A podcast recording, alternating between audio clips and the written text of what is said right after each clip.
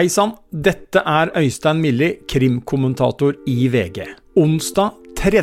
november kommer Krimpodden live til Verket scene i Moss. For mer informasjon om billetter kan du gå på Krimpoddens Facebook-side. Du, jeg håper vi ses i Moss. Nei, altså Jeg lasta ned begge videoene. Så skrev jeg da en lengre bekymringsmelding. Har du den e-posten? Ja. Kan du lese den? Eller har du den på mobilen og kan lese den opp nå? Jeg har det. Innholdet i disse videoene er neppe ulovlig i seg selv, men jeg mener at her bør man virkelig se varsellampene blinke, og dette bør komme på en høy agenda for hjelp til denne mannen. Fikk du noe svar? Ja, jeg fikk svar at de hadde mottatt den. Eh, Jeg var også på Kongsberg politistasjon noen dager etterpå og snak snakket med noen etterforskere der. og Da sa de til meg at eh, det var ikke noe å bekymre seg for, vi de hadde kontroll på den situasjonen. da. Man ser nesten ikke helikopteret som flyr over Kongsberg sentrum. Det har blitt kveld og helt mørkt. Det er 13. oktober, klokka er 22.30, og det er påfallende stille. Få timer tidligere skjedde det fatale. Espen Andersen Bråten gikk til angrep og tok livet av fem personer og skada tre andre. Tre dager senere holder politiet en pressekonferanse. Det siste vi tenkte vi skulle ta i dag, er navnene på de avdøde. Politiinspektør Per Thomas Omholt. De er nå formelt identifisert, og pårørende og etterlatte er varsla. De fem er Andrea Meyer, 52 år. Hanne Merete Engelund, 56 år. Liv Berit Borge, 75 år. Gunnar Erling Saue, 75 år. Og Gunn Margit Madsen, 78 år. Disse fem menneskene mista livet denne kvelden. Alle var de, etter alt å dømme, tilfeldige ofre. Hvem er egentlig mannen som sto bak denne tragedien? Og hvordan gikk han fra å være en kamerat til å bli en massedrapsmann? Jeg heter Håvard Christoffersen Hansen, og du hører på Krimpodden.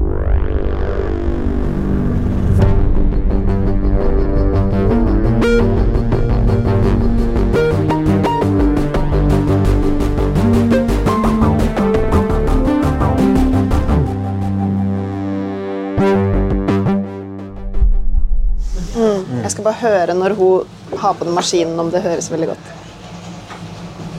Ja, det høres, men man hører oss bedre. Reporter i Krimpodden, Natalie Remu Hansen, sitter på kafé sammen med en mann som var en nær venn av Espen Andersen Bråten i flere år. Hvordan var oppveksten hans, da? Selve barndommen og ungdomsskoletida og sånn, så tror jeg han eh, trivdes veldig godt, egentlig. Så han hadde mye venner, både jenter og gutter, og fungerte bra.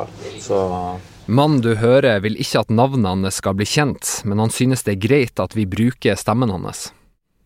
Han har kjent Espen Andersen Bråten helt siden han var liten. De hang mye sammen gjennom to ulike perioder.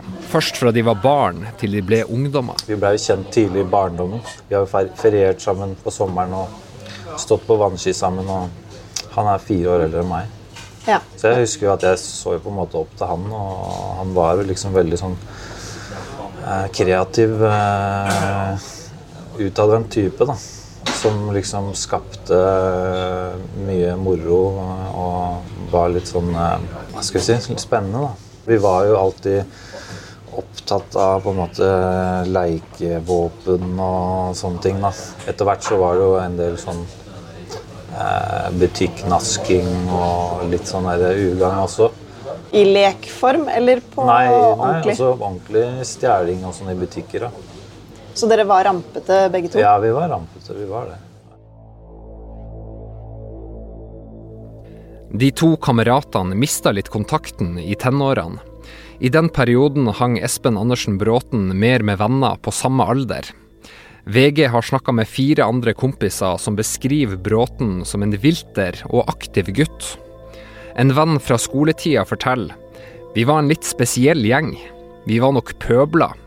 Vi var ikke mors beste barn. Vi har vært i kontakt med den sikta Espen Andersen Bråten sin forsvarer Fredrik Neumann. Han skriver til oss i ei tekstmelding at han ikke ønsker å medvirke i denne podkasten. Ifølge politiet erkjenner Bråten å ha begått drapene, men han erkjenner ikke straffskyld. Vi skal tilbake til kameraten sin historie. Han forteller at Bråten begynte på kokkelinja på videregående. Riktig. Ja. Han hadde veldig talent for å lage mat og sånn også. Så. Var han hele tida klar på at han ville gå kokkelinja? Det vet, jeg vet jeg ikke akkurat den prosessen der, hvordan det var. Men jeg bare husker at eh, vi også lagde en del mat sammen uh, når vi var sammen også. Det at han var inspirert eh, av å lage mat og sånn, det, det vet jeg. Hva lagde dere da? Eh, vi lagde mye forskjellig god mat. eh, ofte litt sånn improvisert. Med mye gode råvarer og sånn. Og så på en måte blei det litt sånn vår egen vri på ting, da. Mens Espen Andersen Bråten gikk på kokkelinja, fikk han prøve seg i arbeidslivet på en restaurant. Mens han jobba der, skjedde det noe som kameraten ikke helt kan forklare, men som han mener er dagen da Bråten virkelig forandra seg. Jeg hadde jo inntrykk av at Espen var jo veldig lyk lykkelig som barn og ungdom. Helt fram til det på en måte skjedde et eller annet. Det skjedde noe veldig dramatisk med psyken hans ganske plutselig. Så vet jeg at han hadde en lærlingplass på en bra restaurant i Kongsberg, og så var det en morgen han var på vei til jobb, og så plutselig så bare snudde han 180 grader eh, halvveis på vei til jobb, og så gikk han aldri ut etter det. Det er flere av Bråten sine tidligere venner som forteller til VG at han isolerte seg mer og mer. Men kompisen som er med i denne podkasten, fortsatte å henge med han i en periode. Ja, i den perioden der så var det på en måte oss, oss to. Så Men det er klart at det, det bar jo litt preg av at ingen av oss hadde det noe sånn særlig bra heller. Da. Altså, han var isolert på sin side, og jeg var det på min side. Jeg husker jo de gangene vi var i butikken for å handle mat, for å lage mat sammen og sånn, så så blei den veldig eh, på en måte rar når vi, når vi kom inn på butikken. Eh, og da frøys den rett og slett og blei veldig stiv i blikket og usikker. Virka han redd? Ja, veldig. Veldig ja, utilpass. Sa han det? Nei, men du kunne se det på ham. Man har jo alltid et håp om at ting skal bedre seg, da. Så jeg syns jo det var veldig trist når jeg da møtte han f.eks. i 2017 og så i hva slags forfatning han var. Da hadde jeg jo sett den sist gang i 2013-2014 årsskiftet, liksom, før jeg reiste til utlandet. Og da hadde han det ikke bra da heller, men han, han hadde jo blitt vesentlig verre i løpet av de tre-fire årene, da. Hadde dere noe kontakt mellom Eller da du var i utlandet? Nei, vi hadde ikke det. Espen Andersen Bråten har vært i befatning med politiet flere ganger i livet. I 20-årene ble han dømt for lovbrudd, og vennene hans forteller at han også var inn og ut av helsevesenet i denne perioden. I 2012 fikk han 60 dager betinga fengsel for grovt tyveri og kjøp og bruk av en mindre mengde hasj. I dommen står det at han er dømt for lignende forhold tidligere. I 2015 fikk Politiets sikkerhetstjeneste, kalt PST, tips om Bråten. Året etter var navnet hans med i et prosjekt der politiet identifiserte kandidater for radikalisering. Bråten har også blitt anmeldt av matbutikken Coop på Kongsberg, og ifølge VG sine opplysninger skal også en Kiwi-butikk ha bedt om besøksforbud mot han. I 2020 ble Bråten ilagt besøksforbud mot foreldrene sine etter at han skal ha trua med å ta livet av sin egen far. Men det han har gjort, og som har fått mest oppmerksomhet de seneste ukene, skjedde i 2017. Da legger han ut en video på nettet. Hello. I am a messenger. I come with a warning. Is this really what you want? And to all who want to make up for himself. So it's time. Bear witness that I am a Muslim. Hva tenkte du da du så den videoen? At han eh, framstår som veldig usikker. Når du ser på de videoene, så ser du en veldig syk mann. Og det var jo også det utgangspunktet jeg hadde den gangen, og grunnen til at jeg tok affære og kontakta politiet umiddelbart. At jeg sendte da de videoene til eh, påtaleansvarlig jurist på måte, i politiet i Kongsberg. Eh, Da sa de til meg at eh, det var ikke noe å bekymre seg for, for de hadde kontroll på den situasjonen. da. Følte du deg trygg da, når de sa det? Ja, man gjør jo på en måte det når politiet sier det på den måten, men, men det er klart at man vet jo også at det, nesten uansett hva de hadde gjort den gangen, i 2017, så er det jo ikke sikkert at det hadde på en måte forhindra det som skjedde i 2021.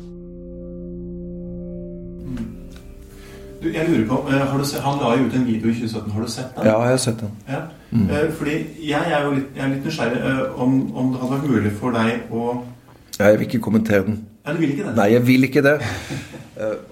Reporter i Krimpodden Håkon Fostervoll Høydal er på kontoret til psykolog Pål Grøndal. For, for den videoen kan jo bare Det gir jo bare to minutters utsnitt av en persons liv, og jeg vet ikke riktig bakgrunnen. Eh, Hvordan var han før dette? Hvordan var han etter dette? Etter at videoene ble lagt ut i desember i 2017, økte antallet tips om Bråten. Skal svare så godt jeg kan. Ja. Uh, også hvis det er VG-journalistene Hanna Haug Røseth og Kristina Kvist møter Arne Christian Haugstøyl i PST.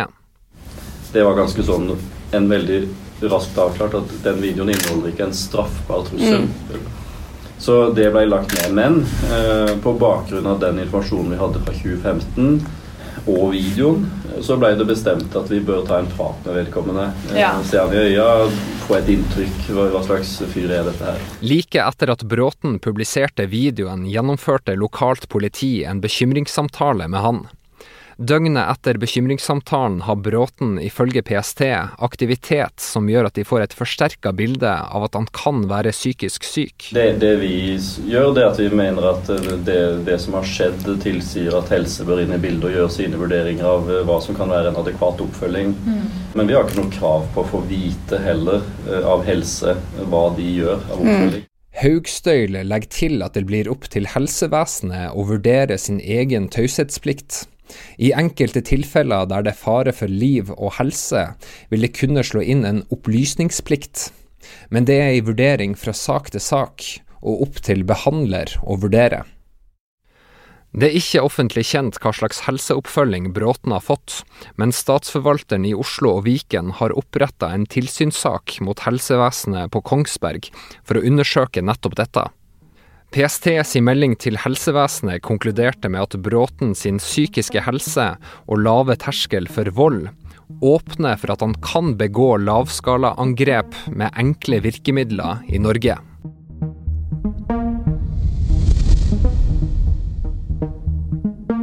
Onsdag 13. oktober klokka 18.12. Politiet får første nødmelding om at en person skyter mot folk med pil og bue på Coop Extra. Klokka 18.18. Første politipatrulje ankommer utafor Coop Extra. Patruljen er bevæpna og går rett i innsats. Et vitne VG har snakka med, forteller. Da var det helikoptre rundt, og det var masse politibiler og masse våpen. Og, og det var helt kaos. Så jeg kjørte for å se hva er det, er det ran, eller hva dette er for noe. Men da de politiet roper 'Vi er politi her, vi er politi her', alle må gå herifra, fordi da, da er det veldig farlig situasjon her. Den første politipatruljen tar ikke på seg verneutstyr som de har tilgjengelig i bilen. Inne i butikken møter de på Espen Andersen Bråten. Patruljen blir beskutt med piler og må søke dekning to ganger. De trekker seg ut, og samtidig kommer politibil nummer to til Coop Extra. Denne gangen er en tjenestemann ikledd verneutstyr og skjold, og er klar til å gå tettere på situasjonen. Men da flykter Bråten ut av butikken gjennom ei anna dør enn hovedinngangen. Politiet ser ikke hvor han forsvinner. Få minutter senere, ca. klokka 18.20, tre kamerater sitter samla i stua. De gjør lekser og ser på TV.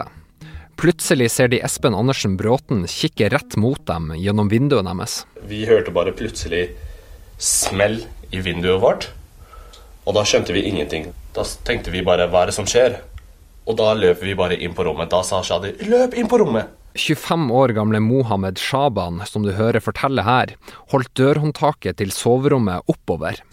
Så prøvde jeg å holde håndtaket sånn her, slik at han ikke prøver seg inn. Fordi jeg vet at hoveddøra er ikke låst. Så tar han på håndtaket til hoveddøra og kommer seg inn. Da er han inne i stuen vår. I rundt to nervepirrende minutter sitter Shaban og de to andre på soverommet mens de titter ut gjennom et vindu, samtidig som de ringer til politiet. Og vi hadde absolutt ingenting med oss for å beskytte oss med, så det eneste som beskyttet oss, var egentlig den soverommet, det soverommet her, da. Og da sa jeg bare 'sjekk fra vinduet', innerste vinduet, og se hvem, hvem det er. Og da så vi fra vinduet, og da begynte han å løpe vekk.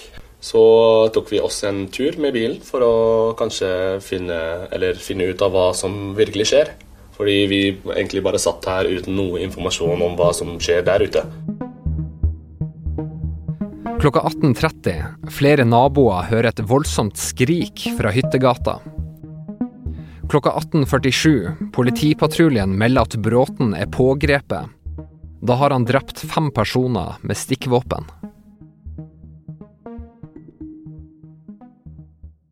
Jeg og krimekspert Øystein Millie møtes i podkaststudioet i VG-huset i Oslo. Vi er nødt til å snakke litt om politiets operative håndtering i denne saken. fordi at Politiet mener at alle fem drapene skjedde etter at Bråten da hadde en konfrontasjon med en politipatrulje inne på denne Coop Extra-butikken. Men han kom seg altså unna og tok seg da videre til Hyttegata, hvor jo da dette tragiske skjedde, at fem personer ble drept. Hva tenker du om politiet sin innsats i denne saken? Først og fremst så tenker jeg at det var en ekstremt krevende situasjon. Uh, man kommer til en Coop Extra-butikk uh, hvor det er en mann som er inne og uh, har da skutt med, med, pil og bue. Man tar et valg, går ut av bilen, er bevæpna, er på plass veldig kort tid etterpå, bare fem minutter etter, etter alarmen gikk, eller første telefon kom inn, mener jeg husker. Og øh, forsøker da å stoppe ham øh, veldig raskt.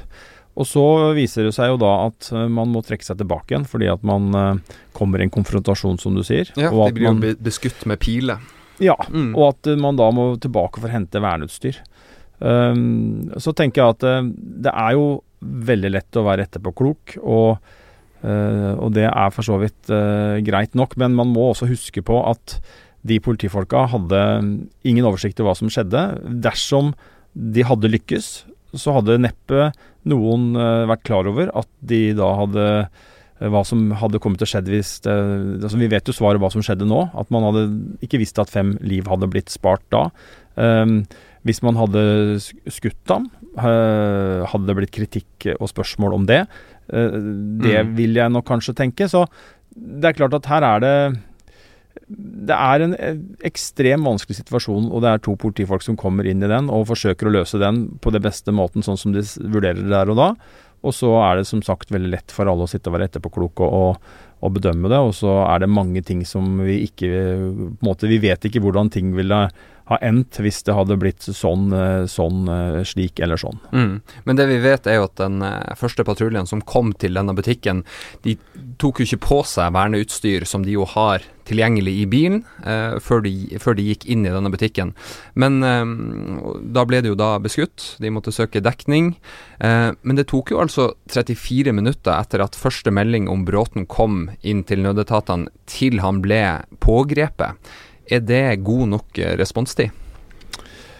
Det vil jo bli vurdert, og det skal jo evalueres. Men det vi må peke på da, er jo at dette var et område hvor det var vanskelig arbeidsforhold. Det var mørkt.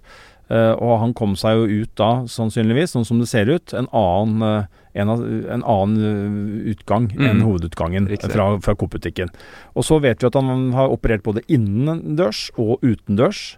Eh, og at det er, eh, sånn som vi har forstått det, bakgårder og gatehjørner og hus og dører og vinduer og alt som er i et bybilde. Eh, så det er klart at det er en vanskelig situasjon å få oversikt over en, en mann som da helt åpenbart har et ganske stor radius og, og, og ja, går fra hus til hus for å utføre de grufulle handlingene han har, har utført. Så, så det er det er jo på en måte et moment der. Og så er det jo dette med verneutstyr. Um, ja, det var jo et taktisk valg. Uh, og som jeg sa i stad, hvis de hadde klart å, å stoppe ham umiddelbart fordi at man da sparte de sekundene eh, det tar å ha på seg verneutstyr, så ville sikkert det ha vært eh, Ja, det ville vært en genistrek. Men, men eh, når man da blir beskutt om å trekke seg tilbake igjen, så, så, så, sier det seg sjøl at det var kanskje dumt, da. Men igjen, dette er eh, en akuttsituasjon akutt situasjon hvor ting er veldig uoversiktlig, og man tar avgjørelser i løpet av noen få sekunder. Og man eh, handler litt på impuls, og da Uh, må det leses i den konteksten, tenker jeg. Og jeg har funnet fram et uh, avsnitt fra politiets trusselvurdering fra 2021, og her står det følgende. Det er sannsynlig at flere personer med alvorlige psykiske lidelser enn tidligere eh, vil begå grove voldshandlinger og utgjøre en alvorlig trussel både mot seg sjøl og andre. Hva tenker du om det, Øystein? De, disse er jo vanskelig å fange opp. eh, det er det ikke tvil om. Og det er eh, sånn at det er, kan være mange instanser som har berøringspunkter eh, med denne type personer, og da er det jo et spørsmål om man klarer å på en måte skille og det er, det er nok ikke lett, har jeg forstått på fagekspertisen. Det er ikke lett å skille den ene fra den andre. De kan framstå ganske like. Og kan, det er vanskelig å se hvem som faktisk kan utgjøre et stort uh, voldspotensial, eller ha et voldspotensial, og hvem som uh, ikke er det, bare er sjuk, veldig sjuk. Uh, så blir jo spørsmålet i denne saken eh, om eh, Bråten burde eller kunne ha blitt uh, fanga opp tidligere. Når det gjelder siktedes, siktedes historie med politiet og helsevesenet, så stå, forstår vi veldig godt at det er fokus på det spørsmålet. Vi hører politiet under en pressekonferanse på Kongsberg tre dager etter massedrapene. Det er ingenting i etterforskningen så langt som tyder på at han har vært eh, snakka med noen eller samarbeidet med noen. Tvert imot så virker dette her som en person som har hatt lite sosial kontakt med andre. Og Da viser jeg også til det som er sagt i går i forhold til dette med sykdom, som er den hypotesen som er den sterkeste i forhold til motivasjon. Politiet sier altså at deres sterkeste hypotese er at Espen Andersen Bråten begikk drapene pga. hans mentale tilstand. Vi kjenner ikke til detaljene om hans mentale helse, annet enn at venner har fortalt at Bråten var inn og ut av helsevesenet i 20-årene. Men hva kan man egentlig gjøre for å fange opp personer som strever med psyken, og som kan være en trussel for samfunnet? Vi er tilbake på Pål Grøndal sitt kontor, der journalist Håkon Fostervoll Høydal møter han. Jo eldre jeg blir, jo mer ambivalent er jeg til å kaste meg frampå. Fordi jeg merker at eh, det er så lett å si noe feil. Det er en ganske kompleks debatt, dette her. F.eks. du kan godt bygge opp institusjonsplasser. Men det er ikke for å forebygge sånne hendelser som i Kongsberg. Det kan vi ikke. Da må vi jo ha veldig mange som blir eh, lagt inn i psykisk helsevern som en sikkerhetsforanstaltning, da. Sier du nå at eh, sånne hendelser som den på Kongsberg, den, de, de kan vi ikke unnslippe? Er det det du sier? Ja. Jeg sier i praksis det. Det risikofrie samfunn finnes ikke. Men vi kunne jo senke innslagsterskelen for når vi har lov til å si at vet du hva, jeg vet at du ikke vil ha behandling, men nå mener vi at du trenger behandling. Så du mener vi må senke terskelen for tvang? Jeg mener ikke at vi skal automatisk senke terskelen for tvang. Men jeg syns at det hadde vært fint om vi fikk en prinsipiell debatt som ikke baserer seg på at eh, når det er rolig, så har vi 17. mai-talen om at vi skal ha mindre tvang i psykiatrien. Hurra, hurra, sier alle da. Og det er politikerne er veldig flinke til det. Ja, det er fint, det. Det er edelt. Men innebærer det at for mange vansmekter I dag er det strenge kriterier for hvem som skal kunne bli tvangsinnlagt.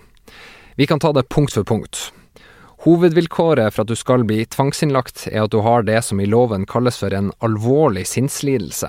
Det er Stort sett så oversetter vi det med ordet psykose. Og psykose betyr realitetsbrist på flere områder, som man da antar influerer hele personligheten.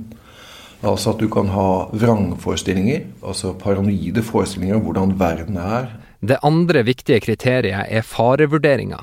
Hvis du ikke legges inn, så, det, så, så setter du liv og helse på for, til, til, fare for andre, altså for seg selv og andre. Det Et tredje krav er at du må legges inn for å bli friskere. Tap av mulighet for helbred, som det heter. Så det er en del kriterier, og oppå dette så har vi altså da lagt dette med samtykkekompetanse. Du skal ikke bare ha alt dette her, men du skal heller ikke kunne være i stand til å vurdere din egen situasjon.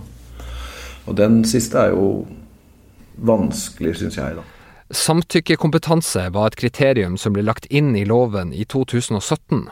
Flere psykologer, deriblant Pål Grøndal, har vært kritisk til dette punktet. Jeg husker at det var ganske fortvilende da det kom, for da var det liksom nok, en, nok et hinder for å kunne legge folk inn.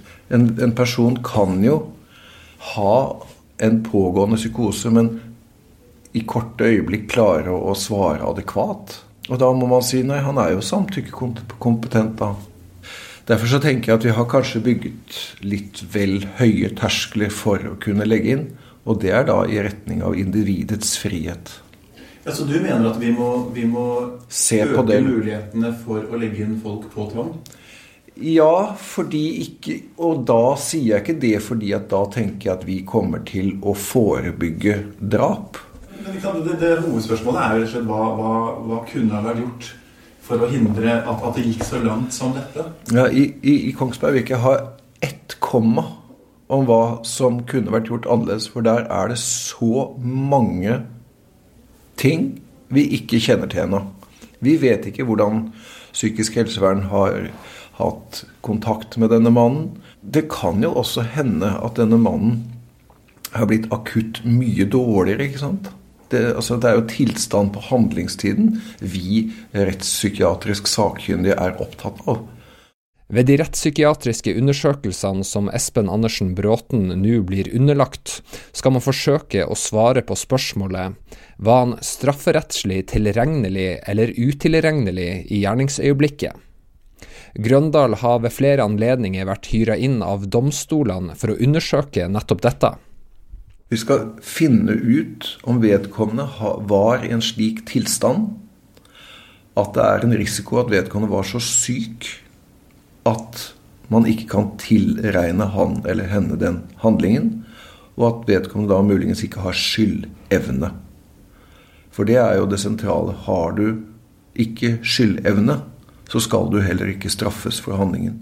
Grøndal mener det er på tide å lære mer om hva som har gått galt når personer tilsynelatende uten forvarsel tar liv. Han ber regjeringa om å opprette en egen drapskommisjon. Jeg foreslår at når vi er så opptatt av å se hva gikk galt, da, som nå i Kongsberg, vi vet jo ikke, så kunne det kanskje vært en mulighet er, vi har så et få drap i dette landet at det skulle jo ikke være koste all verdens. Og det kan jo hende, og, og, og, det er ikke for å få en nullvisjon på drap. Men la oss si at vi finner en, noen feil som ser ut til å gå igjen, og at vi kan ta lærdom av det. Så kan vi kanskje forebygge bare to-tre to, drap. Er ikke det verdt det, bare det? Vi er tilbake i podkaststudioet i VG-huset. Og Espen Andersen Bråten han har jo blitt avhørt flere ganger av politiet, og nå blir jo hans psykiske helse utreda. Kan du fortelle litt mer om hva som skjer videre med han nå?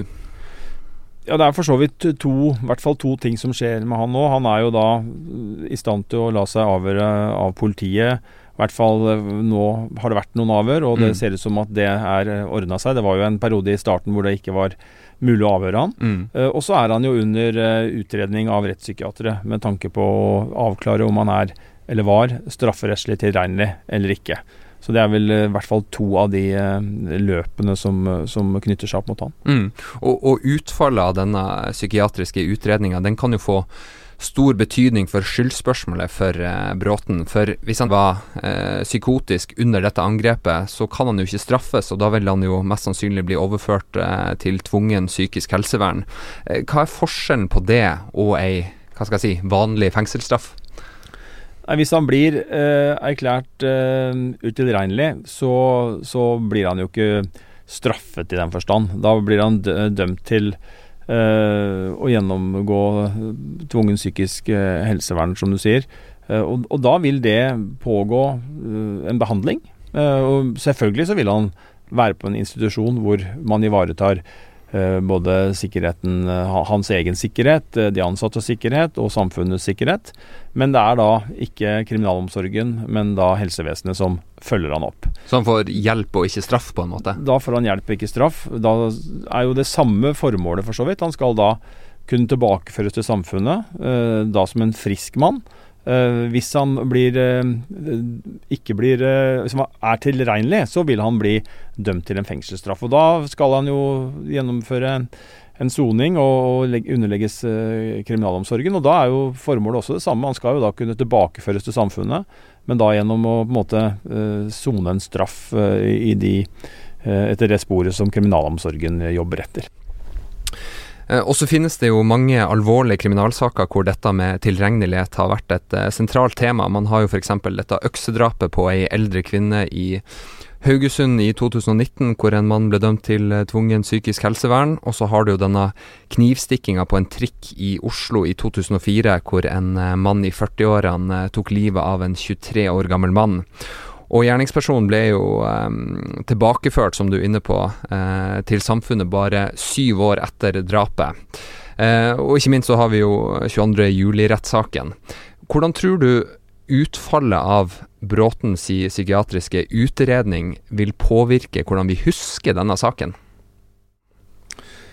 Jeg tror jo vi uansett først og fremst vil huske denne saken som en forferdelig tragedie, eh, hvor mennesker som eh, helt vilkårlig og selvfølgelig uskyldig på alle måter, for å bruke det uttrykket, blir eh, angrepet.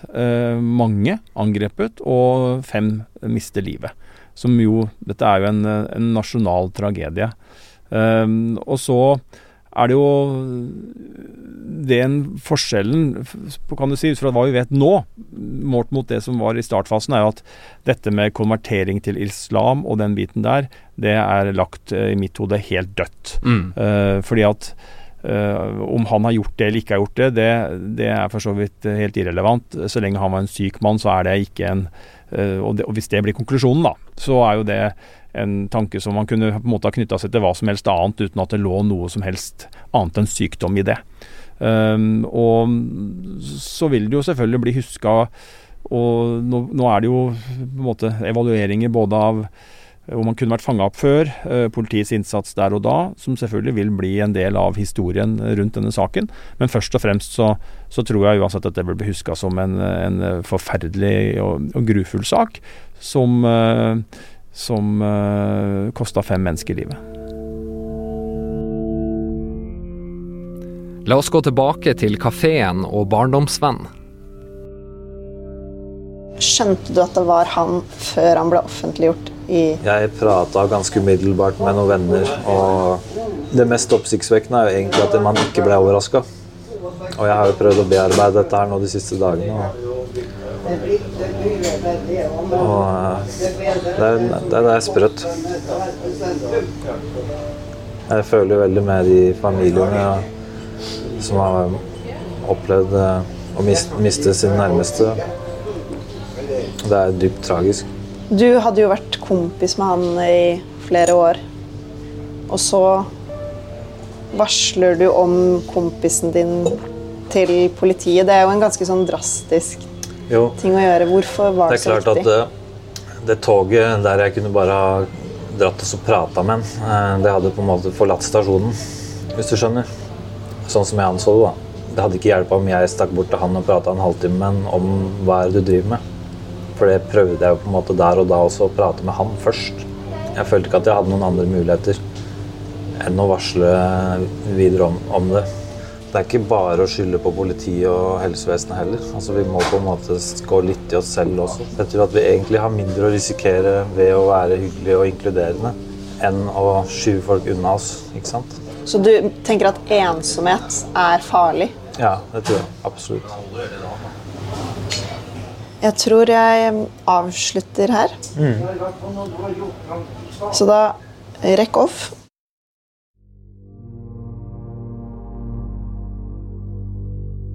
VG følger denne saken tett i tida som kommer. Har du tips, kontakt oss gjerne. Du kan også følge Krimpodden på Instagram og Facebook.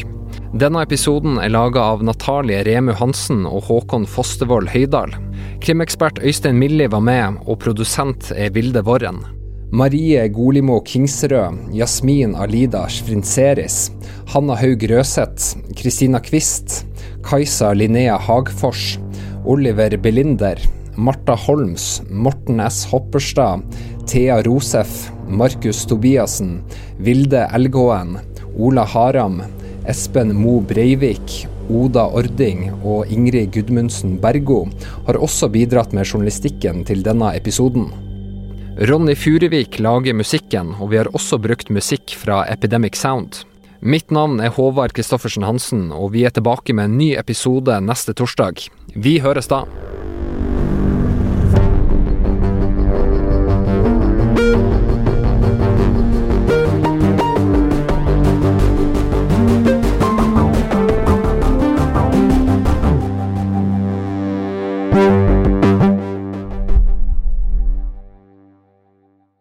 Du har hørt en podkast fra VG.